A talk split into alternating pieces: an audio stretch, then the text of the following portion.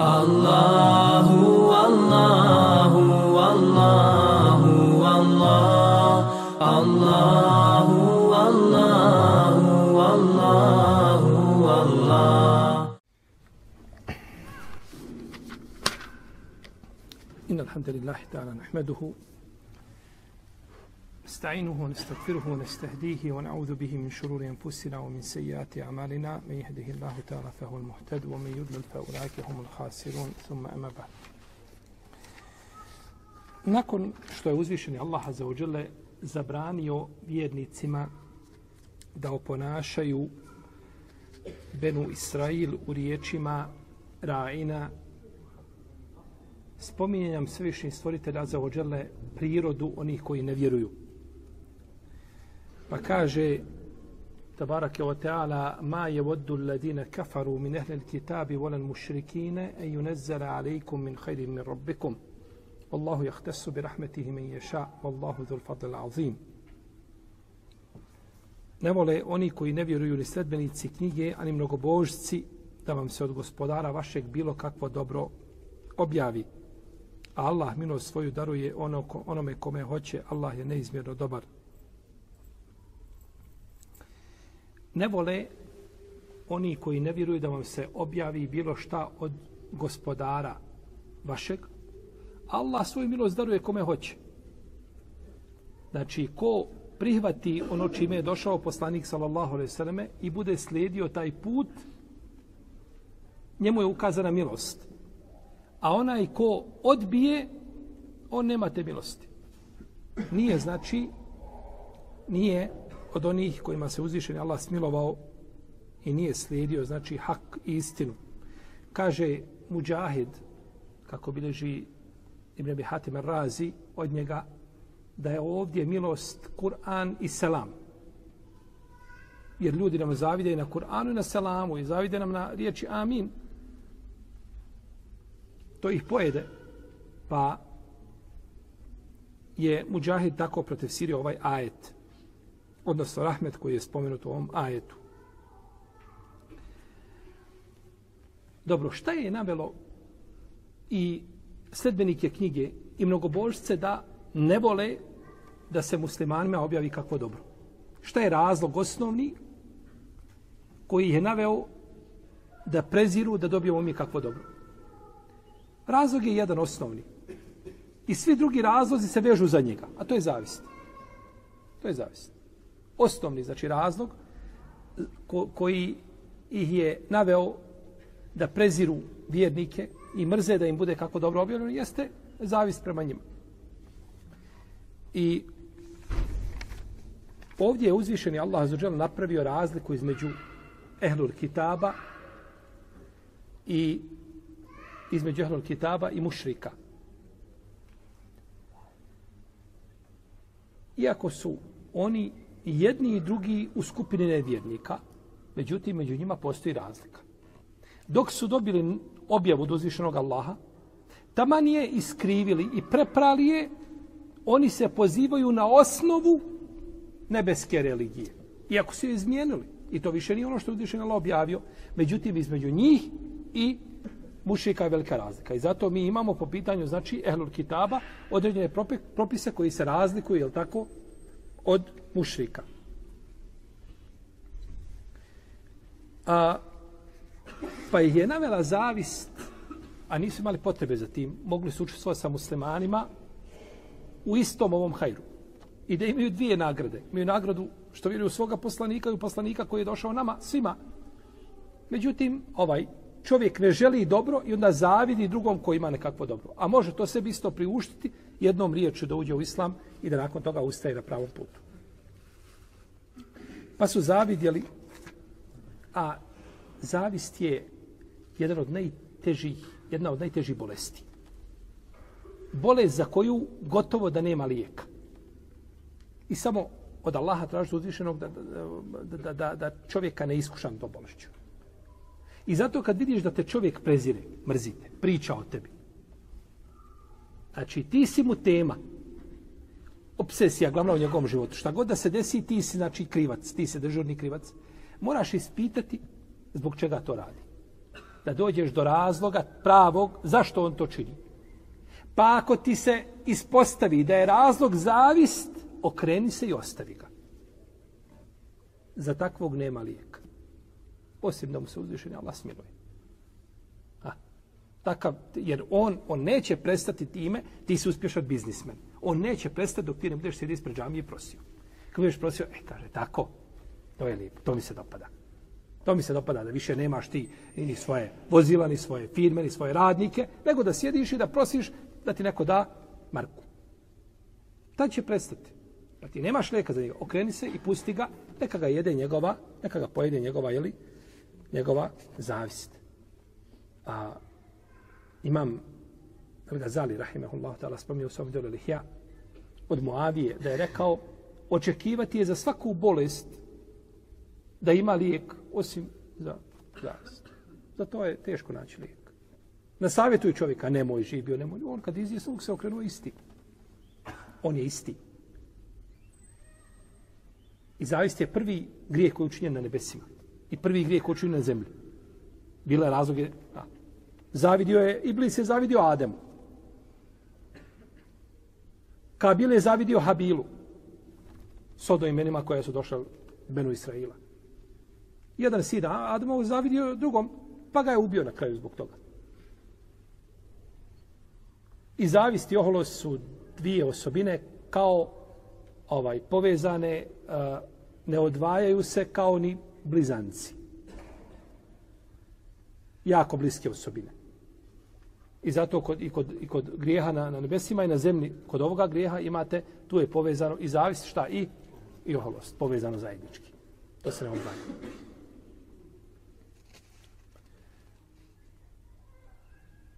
Jeste. Pa je ovdje uzvišen je Allah zelo pisao njihovu prirodu. Potom kaže svevišnji stvorite Tabarake o ta'ala Ma nensah min ajetin au nunsiha ne'ti bi hajdin minha u misliha. Elem ta'alam enna Allahe ala kulli še'in kadir. Kaže i mi nijedan propis ne dokinemo, niti ga u zaborav potisnemo, a da bolji od njega ili sličan njemu ne donesemo. Zar ti ne znaš da Allah sve može? Ja ti ne znaš da Allah sve može. Ovaj ajet je jedan veliki ajet po pitanju propisa i pitanja koja se tiču usul fikha kad je riječ o dokidanju, dokinutom i dokidajućim dokazima. Ovo je osnova jedna i temelj u tom pogledu. Da postoji nešto u din islamu što zove dokidanje. Pa će ovaj ajet nama danas uzeti najvjerojatnije cijelo naše predavanje. Iako je kratak prilično, međutim, zbog propisa dokidanja, a, zaustavit ćemo se, nećemo ulaziti u detalje, ali ćemo gledati da onako osnovne nekakve bar naslove ha, po tačkama spomenemo kada je u pitanju dokidanje a, u islamu, dokidanje propisa. I zato a, pitanje zahtjeva malo više pažnje. Malo više pažnje zahtjeva. Jer je malo je naporno, znači više je naučne prirode, pa zahtjeva da čovjek se uključi, znači da se ne isključi nijednog, nijednog momenta. Ovaj ajet je objavljen nakon što je poslanik sa osreme okrenuo se prema Kabi, kao kible. Prije toga muslimani od dolaska u Medinu se okretali 16 ili 17 mjeseci prema Bejtul Maktisu, kako je došlo kod muslima u Sahiju. Potom je naređeno da se okrenu, nakon što je poslanik sa osvijem žudio i želio za tim, naređeno je da se okrenu gdje? Prema, prema Kjabi. Dobro. Je li bolja Kjaba ili bolje Beitul Maktis? Kjaba, definitivno. Kako to da su onda muslimani jedno vreme klanjali prema Beitul Maktisu, potom prema Kjabi, a Kjaba bolja? Zar nije bilo preče odmah da se klanja prema onome što je bolje, što će biti kibla muslimana nakon toga, da to bude fiksno, da to bude stav? Kroz dokidanje propisa, a islamski učenjaci kažu Allah odgaja ljude. Odgaja ih. Vi volite Kjabu, Vi volite Kjabu, to nije sporno. Ali hoćemo da volite Kjabu šerijatskom ljubavlju, a ne emotivnom. Ha. Mi poslanika volimo sa svem šerijatskom ljubavlju, a ne emotivnom ljubavlju. Šerijatskom ljubavlju. Tako. Pa ovdje kada su muslimani bili, dok su bili okrenuti prema Bejtul Maktisu, Bejtul Maktis je bio bolji.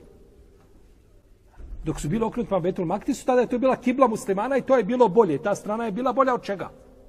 Od njoj suprotnoj. Od njoj suprotne strane.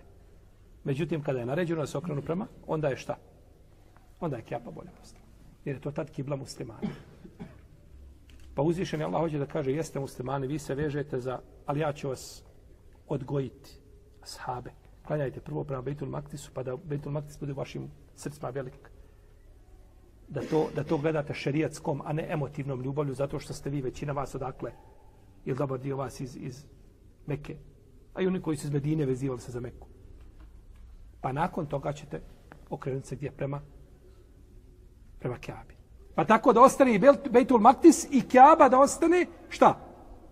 U srcima muslimana. A Medina, svakako ste u Medini, to nije ovaj van vašeg srca. Vi Medinu definitivno svi volite. Jel u redu?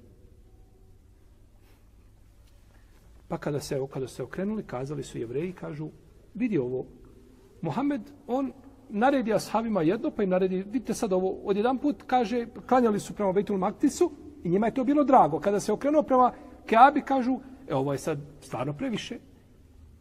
I ovo je dokaz, kažu, da je Kur'an od Muhammeda, da ovo nije od Allaha, nego Muhammed to naredi im ovako, pa im naredi ovako, kako mu se prohtije, kako on to vidi, on tako kaže i oni ga samo slijede u, u tome. Pa je uzvišeni Allah Azza wa Jalla objavio ajet ma nensah min ajetin i objavio je o idha beddelna ajetem mekane aje. I kada namjesto jednog ajeta dođemo drugim ajetom. Pa je pojasnio da to nema s otim poslanik, ali ništa nego samo da prenese, samo da dostavi, ništa drugo ne može on od sebe, znači, jeli, govoriti. Poznavanje ovoga poglavlja dokinuti dokidajućih ajeta je jako bitno. Je jako bitno. Zabilježio imam Ebu Bekr al-Behteri da je Alija jedne prilike ušao u jednu džamiju. I vidio je čovjeka koji podstiče ljude, odnosno plaši ih bolje kazati, priča im o džahennemu, o... Pa je rekao, Alija kaže, ko je ovo? Kažu, naš jedan vajz priča ljudima, plaši ih, je tako? Odgaja ljude. Kaže, nije on, kaže, nikakav bajz, nije on nikakav, kaže, on je čovjek koji samog sebe reklamira. On kaže ljudima, gledajte u mene, ja sam sin tog i tog. Da. Reklamira samog sebe tu, kaže, pozovite ga vam. Ali ja dok je čuo, dok je progovorio, ali ja dok je čuo šta priča, zna koliko je sati, jel tako? I dovoljno ti je da slušaš vaj za pet minuta i da znaš je li pripremio predavanje, da li priča, da li njegova predavanje je zasnovano na znanju, na ilmu, na nauci ili je zasnovano na ono, ala bereke. Ide dok ide. Ali ja dok ga je čuo, kaže, pozovite ga, kaže mamu. Kaže, zašto, kaže, dokinuto i dokidajući ajde. Ne znam, čuo za to. Nisam. Kaže, napolje, kaže, iz džamije. Ovdje nećeš pričati ljudima. Neće. Pa ga je od van džamije, nije mu dao da, u jednoj spredaj kaže, uništen si, kaže, i druge uništavaš. Nije ono što si sam uništen, pa kaže, pa i druge, druge uništavaš. I slično ome navodi se od, od Ibn Abasa, i to spominje imam Esujuti u svome delu Ritkan, Filumil Koran, i to spominju isto drugi. Dok je imam Ibn Đerira Taberi zabilježio od Ibn Abasa da je rekao po pitanju ajeta Omen ju'tel hikmete fekad utije hajren kesira a kome Allah da mudrost, dao mu je veliko dobro, kaže to su dokinuti dokidajući ajeti, to je poznavanje halala i harama i to je poznavanje jasni i nejasni ajeti. Pa je tako protefsirio, znači, ajet u suri, u suri El Bekare. Dokidanje može biti na dva načina. Može biti prvo dokidanje, da se dokine jedan ajet i da namjesto njega dođe drugi, a može biti da se dokine i da namjesto njega ne dolazi drugi ajet. Ne dolazi drugi, znači šerijatski tekst. A zabilježe ima Mahmed ibn Hibban od Ubeja ibn Kjaba, radijallahu ta'ala anhu, da je rekao, kaže, mi smo čitali, čitali suretu, uh, ili kaže, sura El Ahzab je bila poput, u duljini poput sure El Bekare. Sura El Ahzab ima 73 ajeta. Bekare koliko ima? 286. Znači, to je tri i po puta je ta, skoro četiri puta je ta sura veća, Eh, veća sura Al-Bekara u sura Al-Imran, po broju ajeta. Kaže, čitali smo suru, ona je bila tolika. Pa je ta sura, znači, dokinuta i skraćena na koliko? Na 73 ajeta. Naravno, ovaj hadis, on je predmet debate među učenjacima.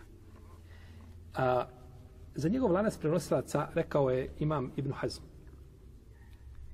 da je vjerodostojan. I rekao je to imam Zurkani da je vjerodostojan. Ibn Kesir u svome tefsiru kaže da je dobar. Da je ovaj lanac prenosaca dobar. Da je jak. I ima drugi učenjaka koji su prihvatili znači ovaj hadis. Ibn Kesir nakon što je spomenuo ovaj hadis i ocjenio ga dobrim kaže u ome hadisu je dokaz da ima ajeta koji su bili objavljeni, potom su dokinuti, dokinuti njihov tilavet i propis, nema ništa više od toga i ne znamo o njima ništa. Međutim, ovaj hadis, on ima više puteva različiti i svakom od tih puteva bi se moglo nešto iskopkati. Jer u jednom ima Abdullah ibn Lehija, u drugom ima Jezid ibn Zijad, u trećem ima, e, e, ima e, e, Asim ibn Behdele, a to je Asim ibn ibn Džud, ovaj poznati Karija, tako. I on je ponajbolji od njih, iako svakom od njih bi se moglo naći mana po pitanju pamćenja. Pa su neki učenjaci vidjeli da je to skupina jedna hadisa koji se mogu pojačati, pa da na osnovu toga kažu da je šta? Da je sura Lahzab nekad bila veća i dulja nego što je danas. U svakom slučaju doćemo do ovoga pitanja, doćemo na ćemo ispravnije argumente od ovih, od ovoga hadisa. Ja sam ovdje samo ovo spomenuo zato što je autor spomenuo ovaj hadis, kaže da je tako u Bej Ibn rekao, pa smo htjeli samo da pojasnimo znači ispravnost ovaj tog hadisa i znači šta su islamski učenjaci kazali u vezi s tim. I na ovu činjenicu kazuje rivajet koga bliži Ebu Bekr Al-Anbari, u kome kaže uh, Muhammed ibn Šihabe Zuhri, kaže, čuo sam Ebu Umamu ibn Sehla ibn Huneifa da je rekao ustao je jedan čovjek od ashaba jedno večer da uči suru Al-Ahzab. Pa je počeo pa ne zna. Pa je ustao drugi pa je počeo da uči pa ne ide. Treći ili je proučio jedan dio ali je ostao jedan dobar dio koji ne zna. Pa su došli poslaniku, sal sam ujutro, pa kaže, alo, poslaniče tako i tako. Kaže, to je juče dokinuto. To je juče dokinuto, pa zato se to zaboravilo. Međutim, ovaj rivajet je zabilježio Imam Tabarani u svome srednjem mođemu. U njegovom lancu ima Sulejmar bin Arkam, a njegovi hadisi su ništavni bili. Nis, znači, ne mogu se prihvatati nikako. I spominje dvojicu, ne spominje trojicu. Tako da ovaj, da ovaj rivajet, znači upitan kad bi htjeli sa njim da potpomognemo rivajet koga? Ube ibn Kjaba. Pored toga što je Ebu Umame, a, ibn Sehl, ibn Huneif, on je po ispravnom mišljenju tabin. On je vidio poslanika, a nije od njega ništa čuo. On je tabin rivajetom, shodno rivajetu. Shodno viđenju je ashab, ali shodno rivajetu je tabin, jer ništa nije čuo od poslanika, sallallahu alaihi wa sallam. Pa je lanas preoslalac u tom slučaju prekinut. Ne znamo kako je to došlo do njega i kako je to znači čuo, jer tako kaže imam El Buhari, tako kaže Ibn Hadžar Askalani i drugi, da on nije čuo ništa od poslanika, sallallahu alaihi wa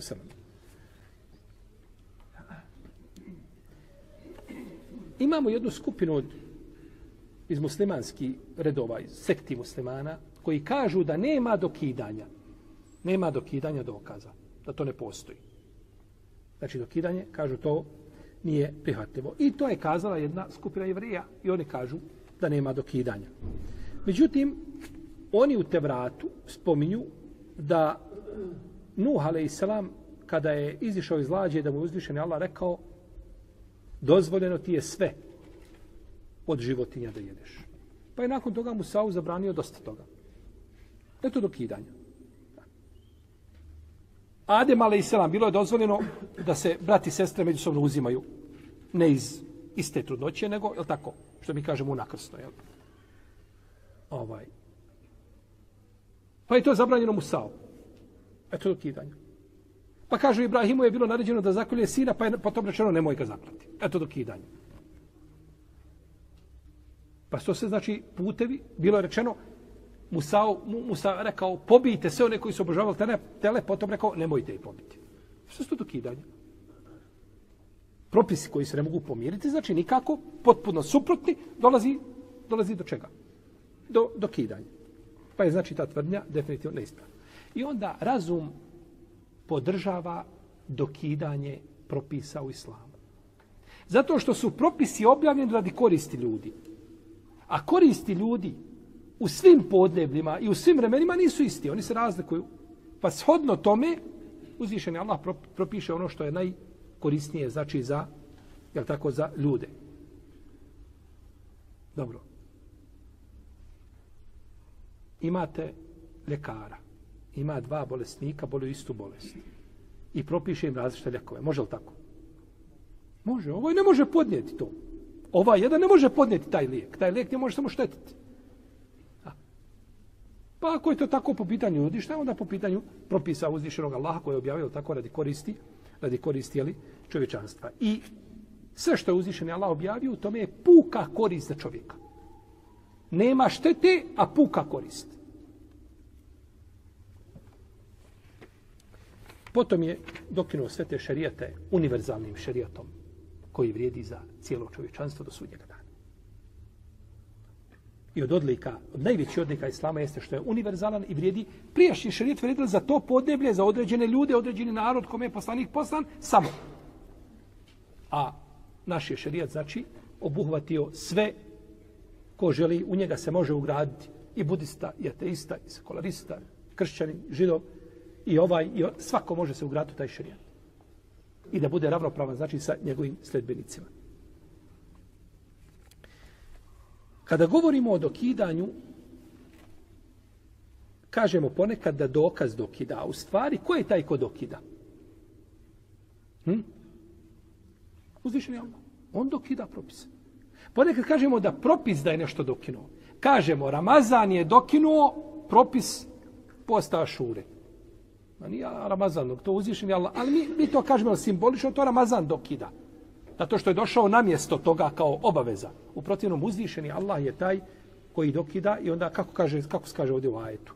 Ma nensah mi ne dokinemo ni jedan ajet. Allah kaže za sebe. Mi ne. Pa uzvišeni Allah je taj koji znači koji je li dokida tebarake o teala.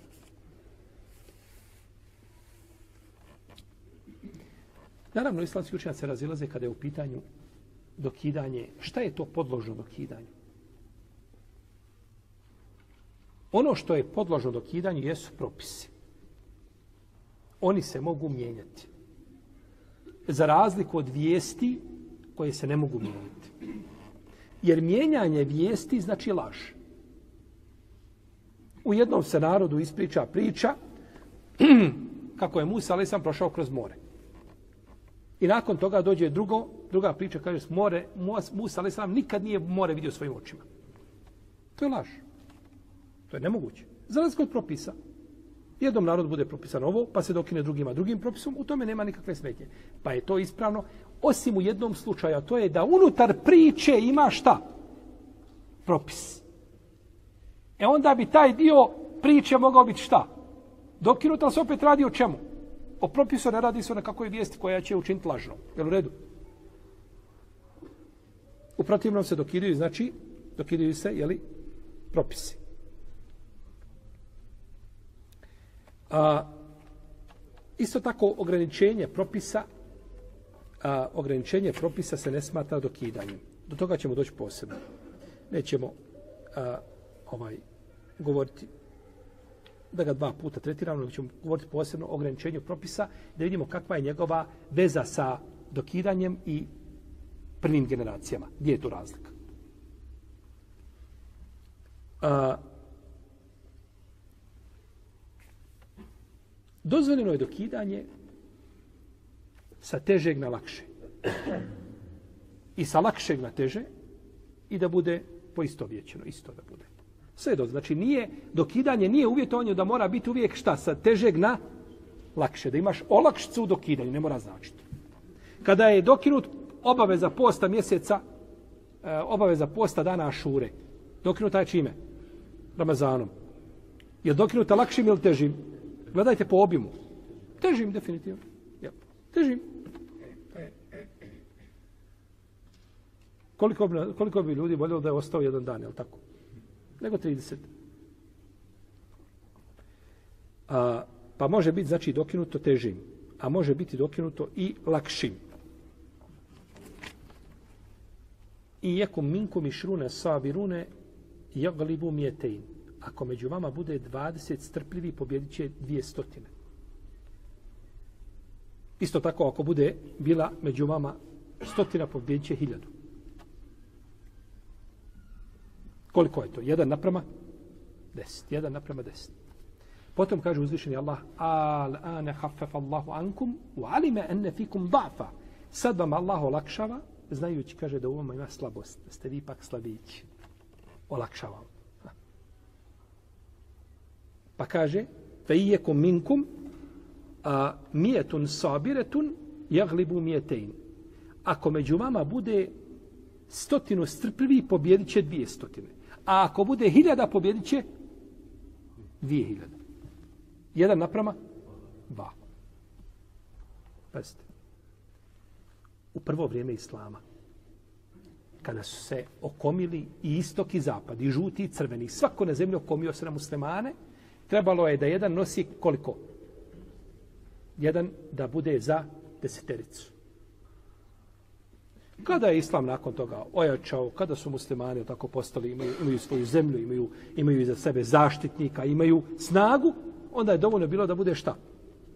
Jedan da nosi za dvojicu. Pitate se onda zašto su prvi muhađiri imali veliku nagradu? Zašto je rekao poslanik sallallahu alejhi Halid ibn Validu, kaže nemojte kada je uvredio Abdurrahman ibn Aufa kaže nemojte vrijeđati moje ashabe tako mi onoga uči ruci je moja duša da neko od vas uloži koliko brdo uhod e, zlata na Allahovom putu ne bi kaže dostigao ni pregršt ni pola pregršta onoga što su oni davali. Što su oni davali? Datule. Ne zlatu. Kako zlatu? Sve da ječam.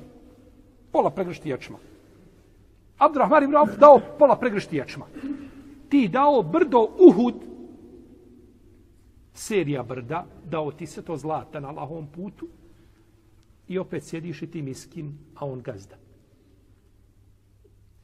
U nekim mustahređima se navodi rivajet u kome se kaže kada bi neko od vas svakog dana davao koliko brdo uhud zlata, ne bi dostigao, kaže, ni pola, ste, o pola pregršta, niti pregršta koju je šta. Izvojio neko od, od asaba. Pa je to odlika ashabima. Velika odlika. jer su podnijeli teret kad ga je bilo najpreće podnijeti. Nakon toga kada se uključio u islam, uključi se nakon toga prišla la bereke, uzmamo je hajr. Ali niste vi isti kao oni koji su tako prije toga bili i koji su pomagali Allahovu vjeru u teškim momentima.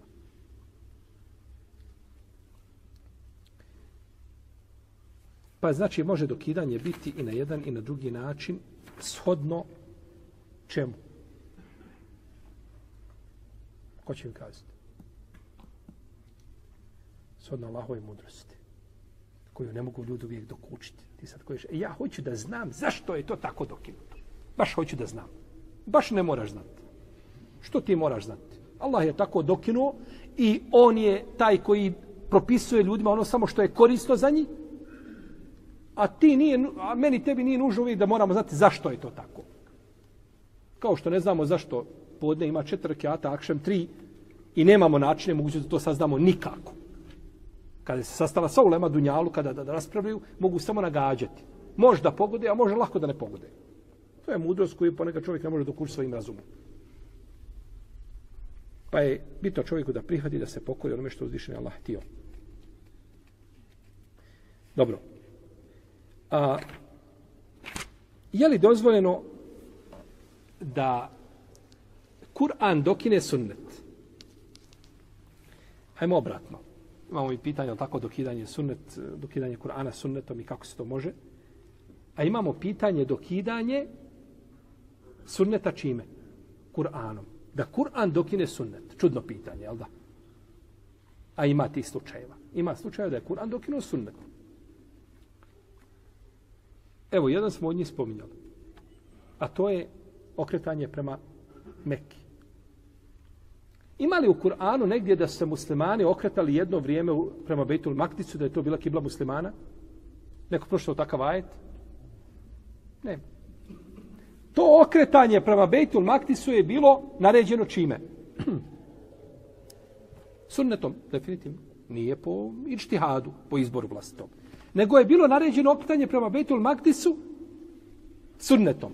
Pa je Kur'an dokinuo šta? Taj propis. Fevollu vujuhekum šatre el mesđidil haram. Znači, ko da? Pa ga je dokinuo, znači, dokinuo je taj, znači, propis. A kaže uzvišeni Allah, kutibe alejkum idha hadare ehadekumul mautu in tereke hajden il wasijetu lil validejni wal akrebine bil marufi haqqan ala mutaqin.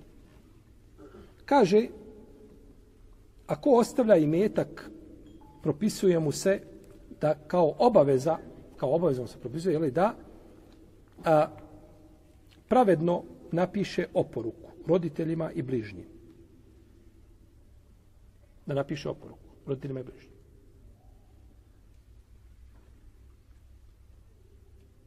A uzvišeni Allah kaže poslanik je rekao u hadisu nema oporuke nasljedniku. Tako došlo u vjerodostojnom predanju. Kod Tirmizije. Kaže, nema oporuke nasljedniku. A ajet nare, naređuje šta? Oporuku. Pa je Kur'an dokinuo šta? Hadis. Osim ako ne kažemo ne. To je dokinuto a nas, pra, ovaj, nasljednim pravom. Tako. Jer čovjek zna se tačno kome šta pripada od nasljednog prava i znači nema potrebe za kakvom oporukom za one koji imaju pravo šta? Da čovjek sve to obrne, da kaže ja ću sad napisati šta i kako, koliko kome pripada. I on to podijeli. Shodno tome kako ga djeca slušaju i kako su mu pokorni. Ta oporuka je dobra samo za potpaliti vatru. Ni za što drugo. To ne vrijedi. Ti imaš pravo na trećinu da dijeliš kako hoćeš. Ali ono što je Allah propisao, a, nema. Muž preseli i kaže, znaš šta je, neće fata ni, ni marke dobiti. Ja sam to ovjerio u sudu negdje tamo. Ali koliko znam da i zakonski da oni to ne, ne akceptiraju, tako? Da, da neko nekome uskrati. Tako sam nešto čuo, nije bitno. To sa pravila e, aspekta din islama, to, ta oporuka ne vrijedi. Žena nakon muža dobiva ja četvrtinu, ja osminu. Nema treće mogućnosti, kakva god da bila. Ako on ima djecu sa njom ili sa drugom ženom, ona dobija osminu. Ako nema djecu ni sa njom, ni sa drugom ženom, ako je bez djece, ona dobija četvrtinu. I to je to. Nema tu promjene nikakve izmjene.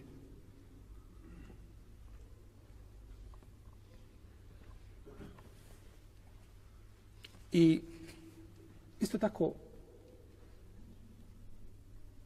uzvišen Allah kaže uhille lekum lejlete sijami rafethu ila nisaikum. Dozvoljeno nam je da u noćima posta imate odnose sa svojim ženama. Uhille lekum. Pazite. Uhille lekum. Sad vam je halal. Znači, bilo je prije toga šta? Haram. Pa je bilo zabranjeno u prvo vrijeme Islama, bilo je zabranjeno muškarcu na večer kada spava do jacije, ustane, probudi se, čeka naredno večer. Pa je uzvišeni Allah to dokinuo. Bilo je zabranjeno čime? Sunnetom. Pa je aje to dokinuo. Pa je to primjer dokidanja sunneta čime? Kur'anom. Primjer dokidanja sunneta jeste Kur'anom. Isto tako, kada je bio sulh ili primjeren na Hudejbiji, a dogovoreno je da svako ko dođe kao muhađir iz Mekke u Medinu, šta da bude sa njim? Molim? Da bude vraćen. Pa kad su došle žene, naređeno je da ostanu. Došla su neke od žena, došla je a, bint a, ibn Ukbe, ibn Muajt, došla je i eh, da li bilo Umu Kulsum ili kako je već bilo ime, i došla je, pa je uzvišen Allah objavio fela terđi ohunne ilal kufar. Kaže, nemojte ih, nemojte ih vraćati a, nevjernicima. Pa je dokinut propis koji je uspostavljen čime? Dogovor je bio kako? Sunnetom. Dogovor je bio usmeni, je tako? Pismeni, nije bitno kako je. Dogovor je bio takav, ali je to onda Kur'anom šta? Dokinuto žene, žene, nemate vi pravo na to. Pa je uzvišeni Allah prekinuo taj dogovor i znači postavio novo, ja tako postavio novo pravilo.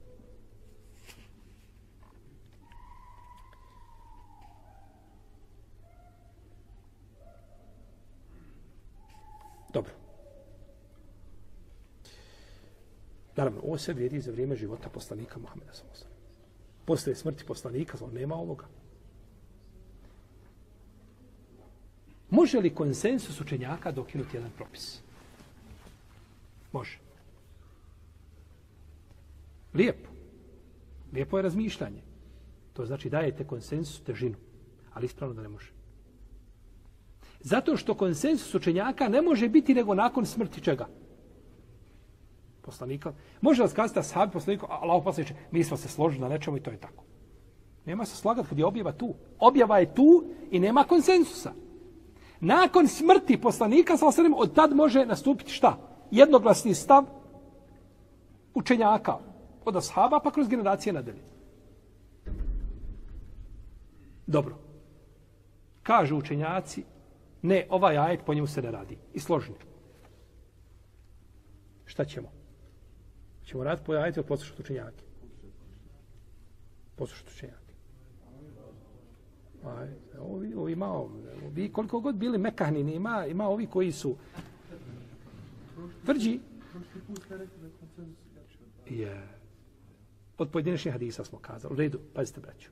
Kad dođu učenjaci da kažu po ome sajetu neće raditi i složni svi, radi se kako Ulema kaže. Kako Ulema kaže. Zato što Ulema se poziva na drugi ajet koji je taj ajet dokinuo, a ja i ti ne znamo. Jer u redu? Pa se mi ne pozivamo da je Ulema dokinula. Ulema ne može dokinuti ajeta. Ali Ulema zna argument koji je dokinuo i složni da je to dokinuto, ali ja i ti ga šta? Ne znamo. Pa se opet vraćamo na šta? Na ajet. Opet vraćamo da je ajet dokinuo taj ajet, a nikako riječi Uleme, ne mogu riječi Uleme dokidati. Da se danas Ulema sve na Dunjaluku složi i da kažu, slušajte, evo ima jedan ajet u Kur'anu koji ćemo mi, od danas će on biti dokinut kažemo, vi ste sami sebi dženazu klanjali. Koliko god da vas je i kakve god da titule nosali i koliko da je, ako se vi složite od danas da on bude dokinuto, poslije smrti, smrću poslanika, sa osam, 12. rebiju uvala, kada je poslanik sa preselio, ako je preselio tog datuma, kao što se kaže, nestalo je toga. Nema više dokidanja. Do tad se može dokidati. A nakon toga je poigravanje sa Allahovom knjigom. Pa ovo znači vrijedi dokidanje samo za vrijeme života poslanika Muhameda sallallahu alaihi wasallam.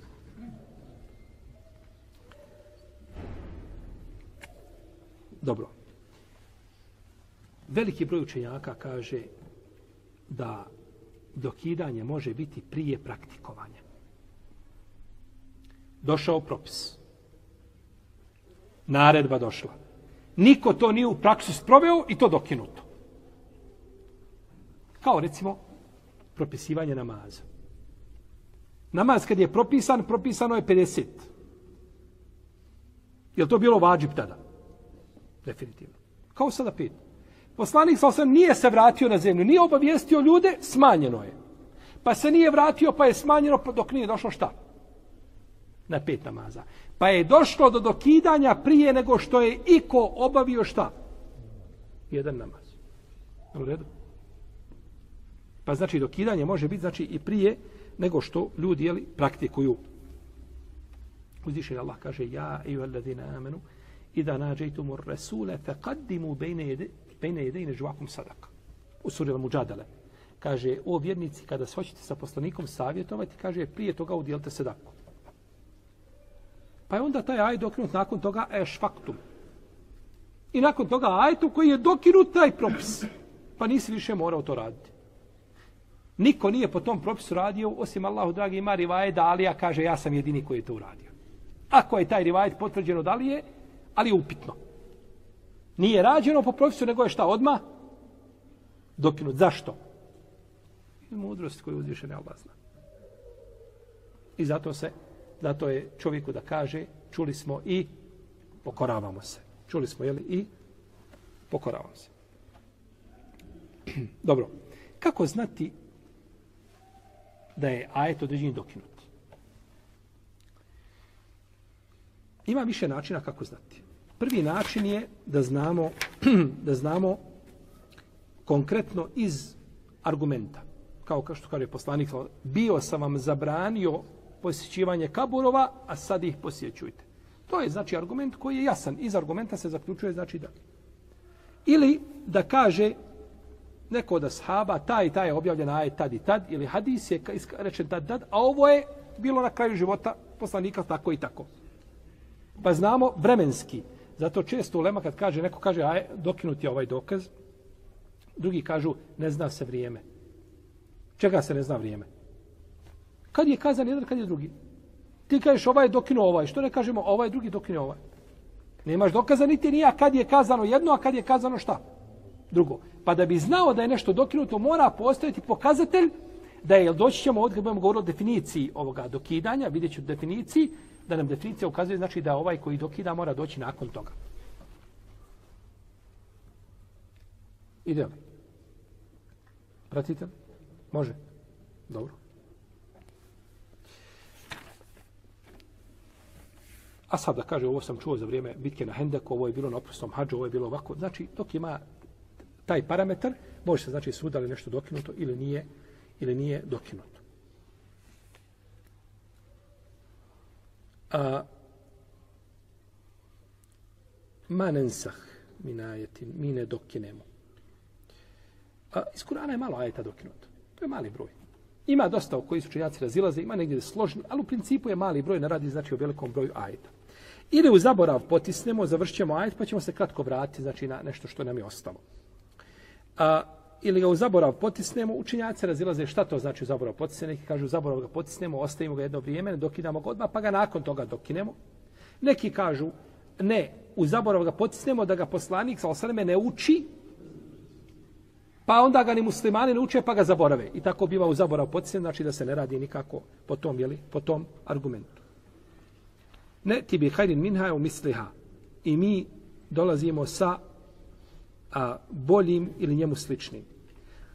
Ovi mulema dokazuje da je dokidajući bolji od dokinutog. Da je dokidajući bolji šta od onoga koji je dokinut, koji je derogiran. Da ovaj bolji, znači od njega, bez obzira bio teži, bio lakši, bio isti, kako god da bilo, on je bolji. On je, jeli, bolji. Ovo bolji ima svoje, svoju pozadinu. A to je pitanje da li mi smijemo kazati opće da je jedan ajet bolji od drugog. A. Pa su neki učenjaci od apologetičara poput uh, uh, Ebu Hasan Lešarija i poput uh, Ebu Bekr Bakilanija i drugi kazali da ne možemo mi opće kazati da je, i to je dobro mislim, Ibn Džerir Taber je dobro to mišljenje. Mi smo o tome govorili, braći, u trećem predavanju. U trećem predavanju na tefsiru, kad je to bilo profesor? Davno, ima, ima dvije, dvije godine, sigurno. Govorili smo, znači, o tom pitanju. Da li se može kazati da je jedan dio Kur'ana bolji od drugog ili ne može? Pa ako sećate da smo spominjali ovaj ajet, eh, ovaj priču sa poslanikom, sa Ubejom Kabom i da smo spominjali. Znači, spominjali smo argumente o tome i kazali smo, preferirali smo da je dozvoljeno kazati da je jedan dio Kur'ana bolji od, od drugoga, ali ovdje treba napraviti jedan uslov, a to je Kad kažemo da je jedan dio Kur'ana bolji od drugoga, tu ne smije doći do rasprave šta je bolje, pa onda kada ti nešto preferiraš na drugim, ovo drugo kao da gubi svoju šta? Vrijednost. To mi je zabranjeno u svemu, pa čak i u, među poslanicima. Zašto je poslanik rekao sa svem? Kaže, nemojte da niko kaže za mene da sam ja bolji od Junusa i Metaha. Od Junusa, ali Je li bolji? Definitivno, to nema razilaženja.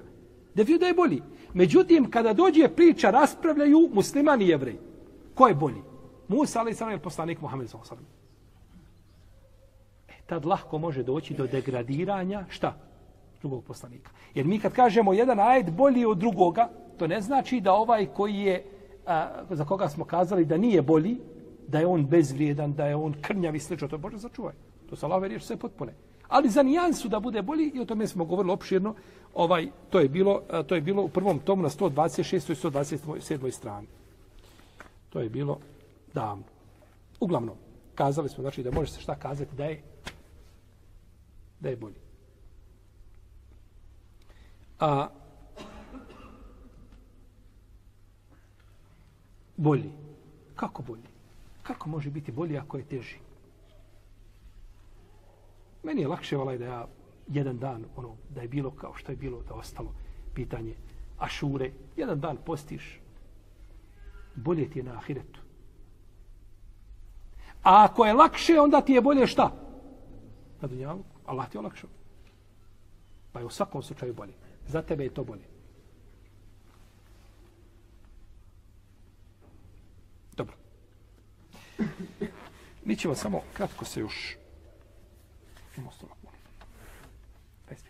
Dobro, lijepo. A ovako vraću.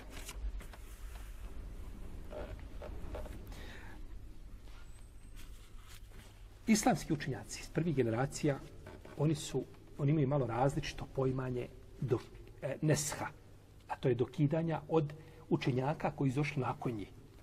Učenjaci u prvim generacijama su govorili za tahsisul am o takjidul mutlak. Tahsisul am, to vam je suženje i restrikcija značenja općeg dokaza. Imate opći dokaz, pa je njegovo značenje suženo. To su prve generacije nazivale kako? Dokidanje. Isto tako, takidul mutlak. To je ograničenje neograničenog, općenitog propisa da ga ograničiš. I oni imaju dodirne tačke, a ima razlika među njima. Ja sam na jednom predavanju objašnjavao, mislim, ako nije gore BKC-u da je bilo. Da smo objašnjavali, znači, primjere oko toga i objasnili smo razliku među njima. Oni su nazivali to dokidanjem. Zašto ovo bitno za nas? Bitno je da ne bi pripisali mi da kažemo, evo vidi ashaba, on rekao da je, ajed, da je hadis dok, da je dokinut, a on nije mislio na dokidanje. Oni su nazivali to dok, kao što su nazivali mursel hadisom, nešto što ima prekinut lanac prenosilaca. Mursel hadis je kod nas, po našoj definiciji, šta? Da kaže tabin, kaže poslanik sa osam. Nemojte navesti sebi definiciju da kažete mursel hadis je tamo hadis gdje nedostaje ashab. To je pogrešno. Ta definicija je pogrešna. Jer da nedostaje ashab, bi to prihvatili bez razilaženja. Jer skoro nas svi ashabi pouzdani. Mursel hadis je kada kaže tabin, rekao poslanik sa osam. Pa ne znamo ko fali između toga. Da li fali jedan ili dva ili tri tabina ili samo fali jedan ashab. Ne znamo ko fali zbog toga hadis daif. Jel u redu?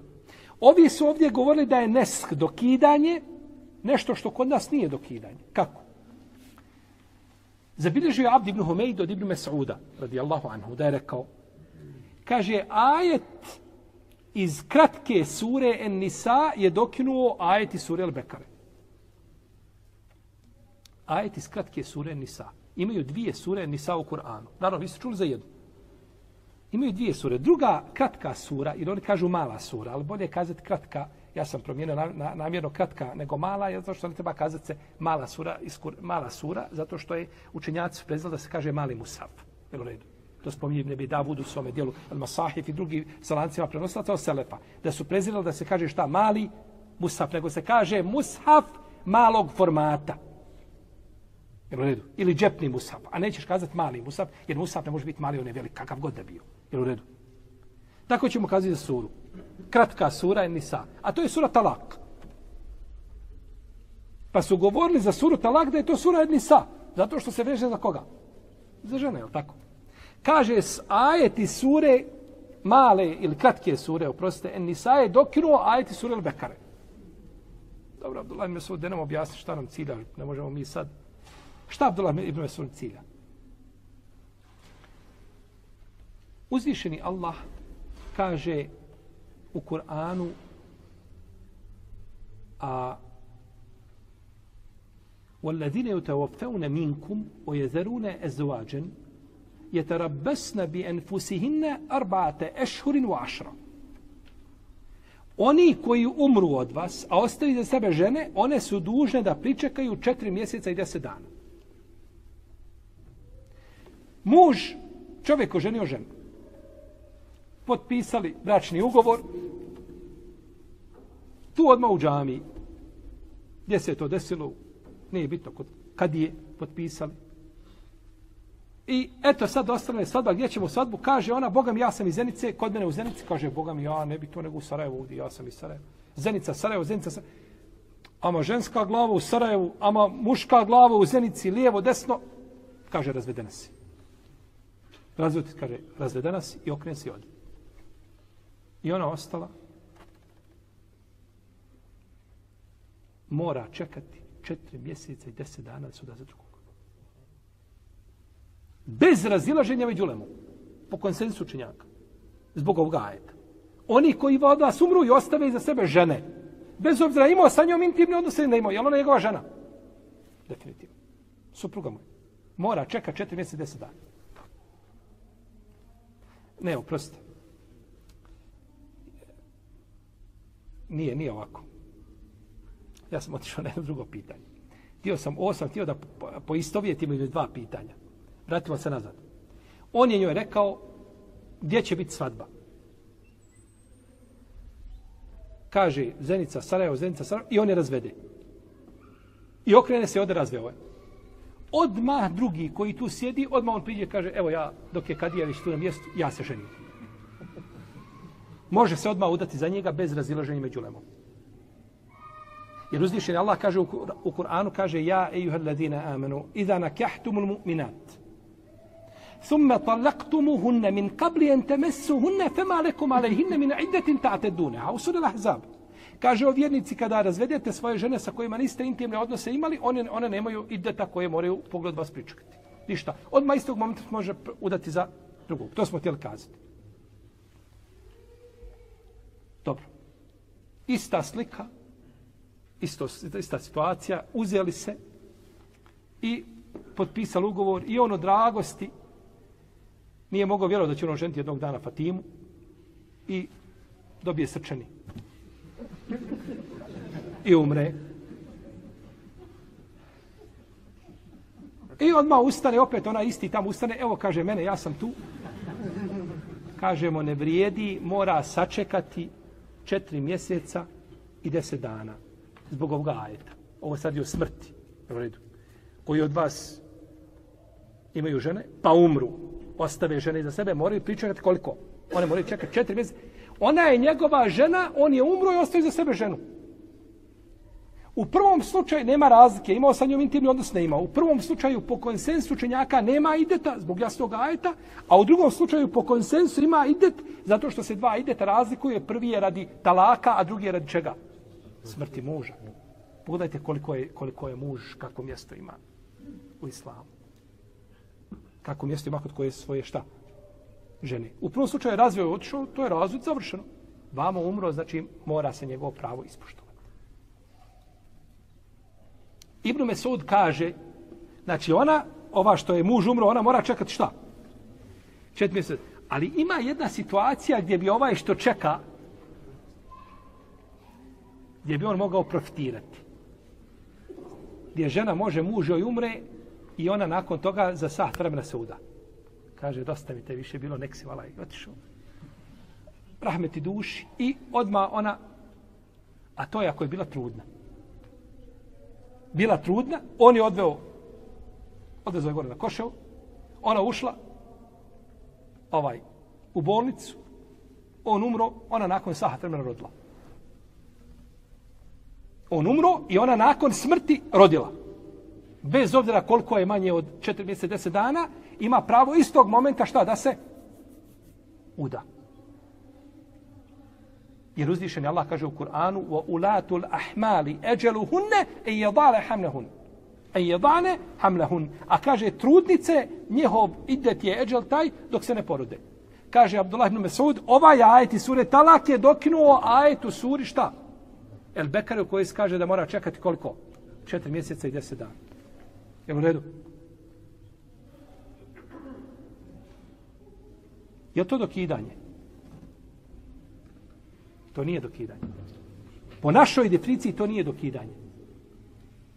To je izuzetak, to je ograničenje jedno. A nije dokidanje, ali je to Abdullah ibn Mesud nazvao kako? Dokidanje. Pa da ne bi pripisali Abdullah ibn Mesudu ili nekom od Selefa nešto što nisu kazali, ne bi imali pravo. Znači, ne bi, ne bi to bilo naše pravo. Pa je a, dokinut ajet po rješavanju Mesuda misli se ograničenije, da se tu izuzimaju žene koje su trudne, jer trudnoća žene, znači samom trudnoćom, ona je završila svoje šta? Ide ti, ne bi morala to, ne morala to čekati. Protiv mora sačekati četiri mjeseca, deset dana. Jeste razumjeli ovo po pitanju? Znači, žena koja bi bila razvedena prije intimnog odnosa sa mužem, potpisali ugovor, nešto se posvađali tako dalje, punica tu bila, ona nešto tu kumovala, i oni se posvađaju i oni da razvod nakon, nakon bračnog ugovora, ona nema ideta po jasnom ajetu. Fema lekum alejhinne min iddetin tate duneha, one nemaju, ne, ne može biti jasnije. Ali ovdje kada se kaže one čekaju četiri mjeseca, deset dana nakon smrti muža, nije napravljena razlika između žene sa kojom je čovjek imao intimni kontakt i kojom nije imao spolni odnos i onda one su u krugu žena i imaju isti propis i mora sačekati koliko?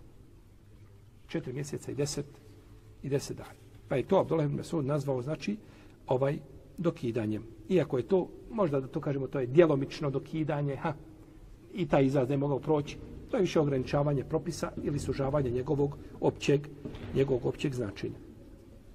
Subhanallah. Kada bi čovjek braćao svaki korak koji koraci Allahu seđdu učinio, seđdu zahvale, seđdu šukra na ome šerijatu, ne bi, ne bi zahvalio uzvišenom Allahu. Pogledajte vi propisa. Kako je to regulisano i kako je to usklađeno i kakva je to preciznost da nikome se zolom ne čini. Ni mužu, ni ženi, ni djetetu, ni nikom. Svako mora dobiti svoje pravo. Takva je Allahova vjera.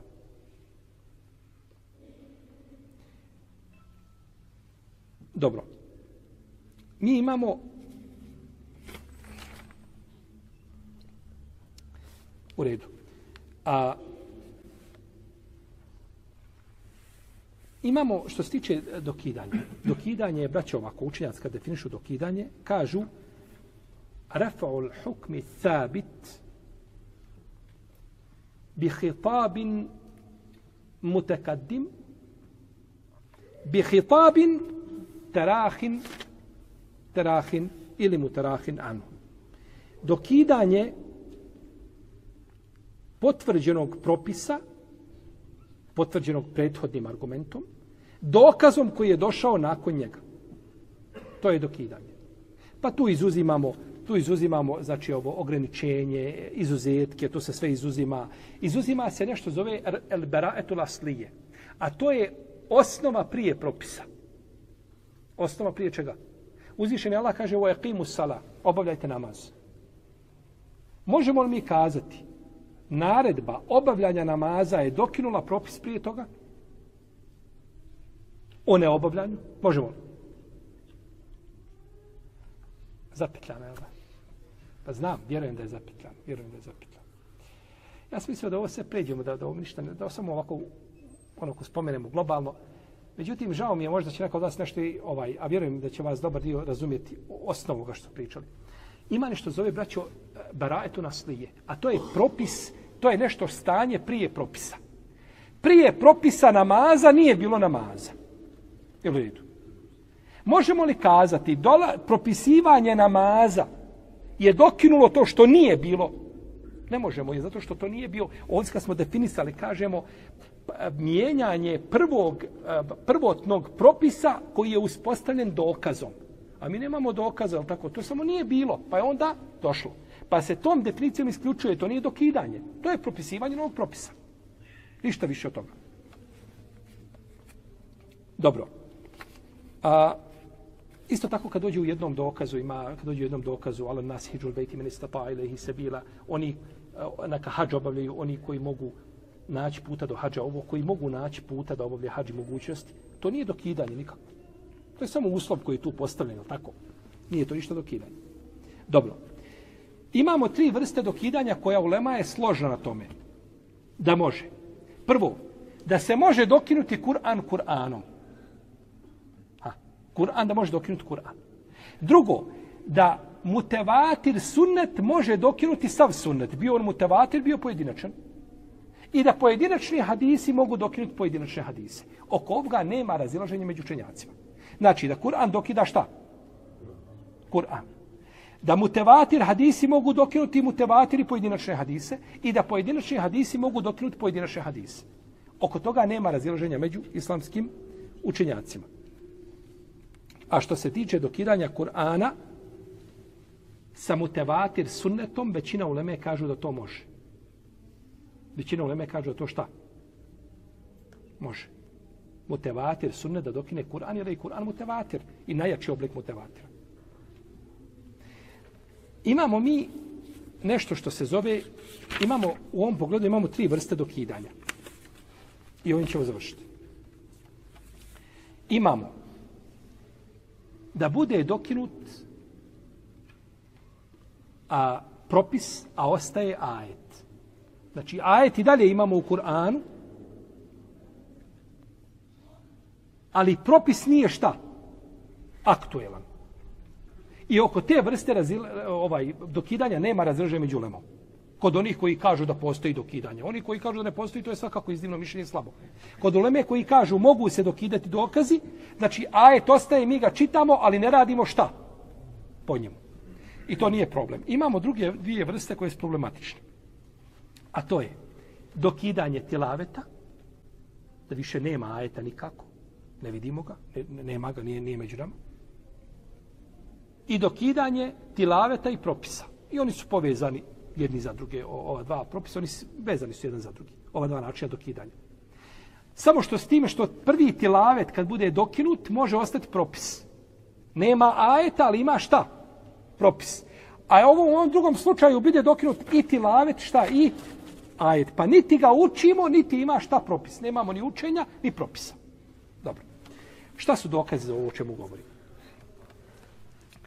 Ima hadis kod Buhari kod muslima da je Omer, radijallahu ta'ala, na, na Mimberi rekao ljudima, znači obraća se ljudima i kaže, Allah je, kaže, objavio knjigu. Allah je objavio knjigu.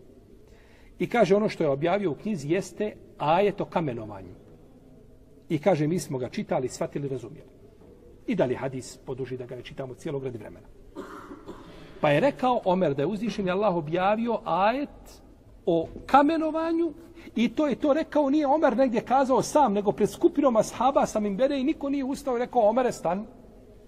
Tako, ima ona priča da je žena ustala kada je Omer rekao za, na Mimberi da je rekao za mehr, nema mehra nego htio ograničiti, pa je ona ustala i kazala Omare, uzvišen Allah kaže u Kur'anu, o in ateitum وإن آتيتم إحداهن قنطارا فلا تأخذوا منه شيئا أتأخذونه بهتانا وإثما مبينا Ako neko, neko, neko od njih kaže date tovar zlata, nemojte ništa toga uzimati.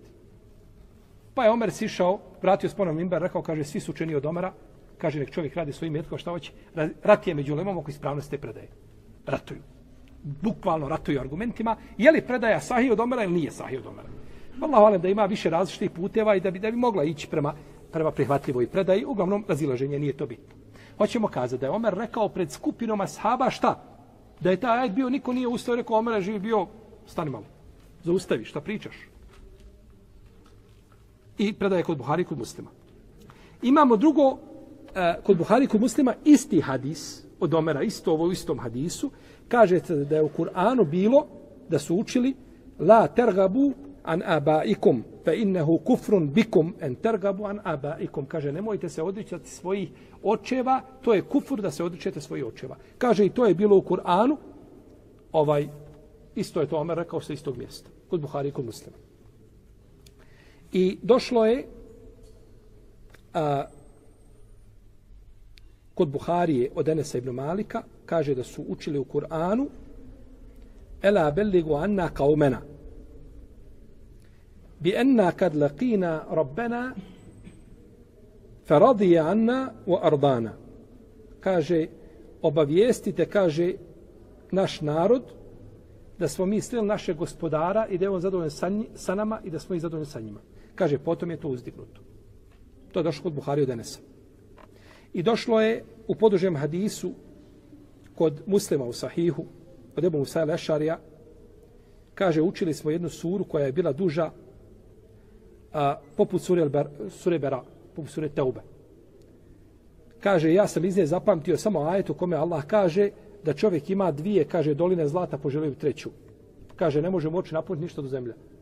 To je bilo gdje? U Kur'anu. Ovo je došlo kod muslima u Sahiju. ima hadis. A, e šejhu o šejhatu idha zeneja farđumuhu melbeta. Nekjale min Allah. A kada starac i starica, da je to bilo u Kur'anu, a starac i starica, tako došlo Beje ibn i drugi asabo, skupina asaba, kada učine nemoral, vi ih kamenujte. Kazna njima od Allaha. Pa da je to uzdignuto. Ima ta skupina, taj hadis, on je, on je pones, ovi, ovi hadis jači. Ovaj drugi hadis, e, među, ovaj, ima među učinjacima razilaženja, bile se on mogao prihvatiti ili ne mogao prihvatiti se, jeli, da su, da je bio ajet koji starac i starica ako učine šta? Ne moral kamenujte. Tu ima razilaženje među lemom, može li se prihvatiti, da se ne može prihvatiti. Šeha Albani o tome napisao oko šest stranica u, u svojim sahih silsilama i potvrdio da taj hadis se može prihvatiti ovaj ima njegovi neki učenici pisali studiju o tome da se to ne može prihvatiti. Uglavnom razilaženja, ali ovi hadis koji smo spomenuli, oni su vjerodostojni kod Buhari i kod muslima u Sahihu. Pa je problem. Možemo li mi kazati da je bilo nešto u Kur'an, pa da toga više danas nema? Ovi argumenti ukazuju da možemo. Ali je problem kada kažemo da li možemo sa ahad predajama koje nisu mutevatir potvrditi kuranski ajet koji mora biti kakav? Mutevatir. Jer Kur'an mora biti mutevatir sam. I zato kada u Kur'anu mora biti mutevatir. Ako nije mutevatir, kada ne može se po njemu učiti. Pa možemo li mi hadisima koji nisu mutevatir potvrditi šta? Mutevatir ajet. Tu je raziloženje. I druga stvar, kaže ovo, otvara vrata da ljudi kažu da je Kur'an iskrivljen. Međutim, to nema svoje mjesto. Tim prije što je ehlu sunet vol džemat složan, da je Kur'an potpun. I mi prihvatili ove predaje ovakve kakve jesu, a predaje su vjerodostojne, ili ih ne prihvatili, ehlu sunet ol džemat je složan da je Kur'an šta? Potpun da u njemu ne fali ni slovo. Ništa. Nema razilaženja. Za razliku od šija koji su složni da je Kur'an iskrivljen. I onda kaže, ako mi kažemo to, onda otvaramo prateš, vrata šijama. To je kao između neba i zemlja. Razlika je kao nebo i zemlja. Oni kažu kod njih po konsensusu njove uleme Kur'an iskrivljen, a kod nas je po konsensu Kur'an potpun. Pa ovi ajeti koji su bili prije toga, oni nemaju za nas praktičnu nikakvu korist. Praktično i ne možemo primijetiti. Osim da vjerujemo, bilo je nešto pa je uzdignuto. Uprotivno da znamo sura Al-Ahzab da je bila duža ili kao sura Al-Bekar u nekoj predaji kaže se bila duža malo sura Al-Bekare. Ovaj, znači to je samo tvoje ubjeđenje, ništa nemaš praktično ništa od toga. Pa se ne mijenja praktično ništa. Nego se mijenja da li se to može potvrditi, tako li se ne može potvrditi. Pa oni koji iskazali da ne može potvrditi se to na takav način, ovaj, oni su željeli Kur'anu dobro. Bježeći da ne bi kazao neko da je u Kur'anu se desilo nekakve izmjene. A to je nemoguće u Kur'anu se ništa nije desilo, jer je uzvišeni Allah obavezao da će čuvati Kur'an. Pa taman to je kada se potvrdi ono što je danas među nama, mushaf koji je među nama, između dvije korice, ovo je mushaf bez razilaženja među učenjacima. Nema razilaženja. Bilo nešto pouzdignuto, nije bilo, prihvatili, ne prihvatili, to znači ne utječe na ispravnost ovoga Musafa po kome su ljudi dužni da rade i za koga će biti pitani. A mimo toga neće. Međutim, Da li ćemo potvrditi da je to nešto bilo u Kur'anu, propis pa je uzdignut i tako dalje, to je pitanje druge prirode. Pa se to tiče, znači onda veže se za dokidanje. Imam šafija je tu najtvrđi. On kaže ne mogu nikako hadisi dokidati Kur'an. Ni mutevatir, ni ne mutevatir, ništa, nikako. To kaže Ibn Taymije, šehol sam Ibn Taymije. Kaže ne može to dokidati. Međutim, jeli, ovaj, argumenti eh, koji, eh, za koje se učenjaci pozivaju da bi mutevatir mogao dokidati mutevatir, imaju svoje mjesto. Uglavnom, ovaj, eh, imamo pitanja o koji se učenjaci razilaze. Uh, među ehlu sunatom, znači, postoji razilaženje. a, ali ovi su hadisi vjerodostojni. Za razliku od hadisa, koga? Kog hadisa? Starac i starica, ako počuje nemoral, kamenujte. Taj hadis, čudno da su mnogi učenjaci kazali da je hadis bilježi Buhari i Muslim. To je spomenuo imam uh, Sujuti, to je spomenuo imam Ibn Kodame, i to je spomenuo imam Behuti, uh, eh, i to je čak imam Beheka i to pripisao. Nije taj hadis kod Buhari kod muslima. Taj hadis je došao u drugim hadiskim zbirkama, znači nije došao kod Buhari kod muslima. Ovo što sam spomenuli, došao je kod Buhari kod muslima, znači da je bilo nešto u Kur'anu da je dignuto. I oko ove druge dvije, znači skupine postoji razilaženje među lemom, a prva, prva ona vrsta o kojoj nema razilaženja, ko će nas posjetiti? Koja je to vrsta?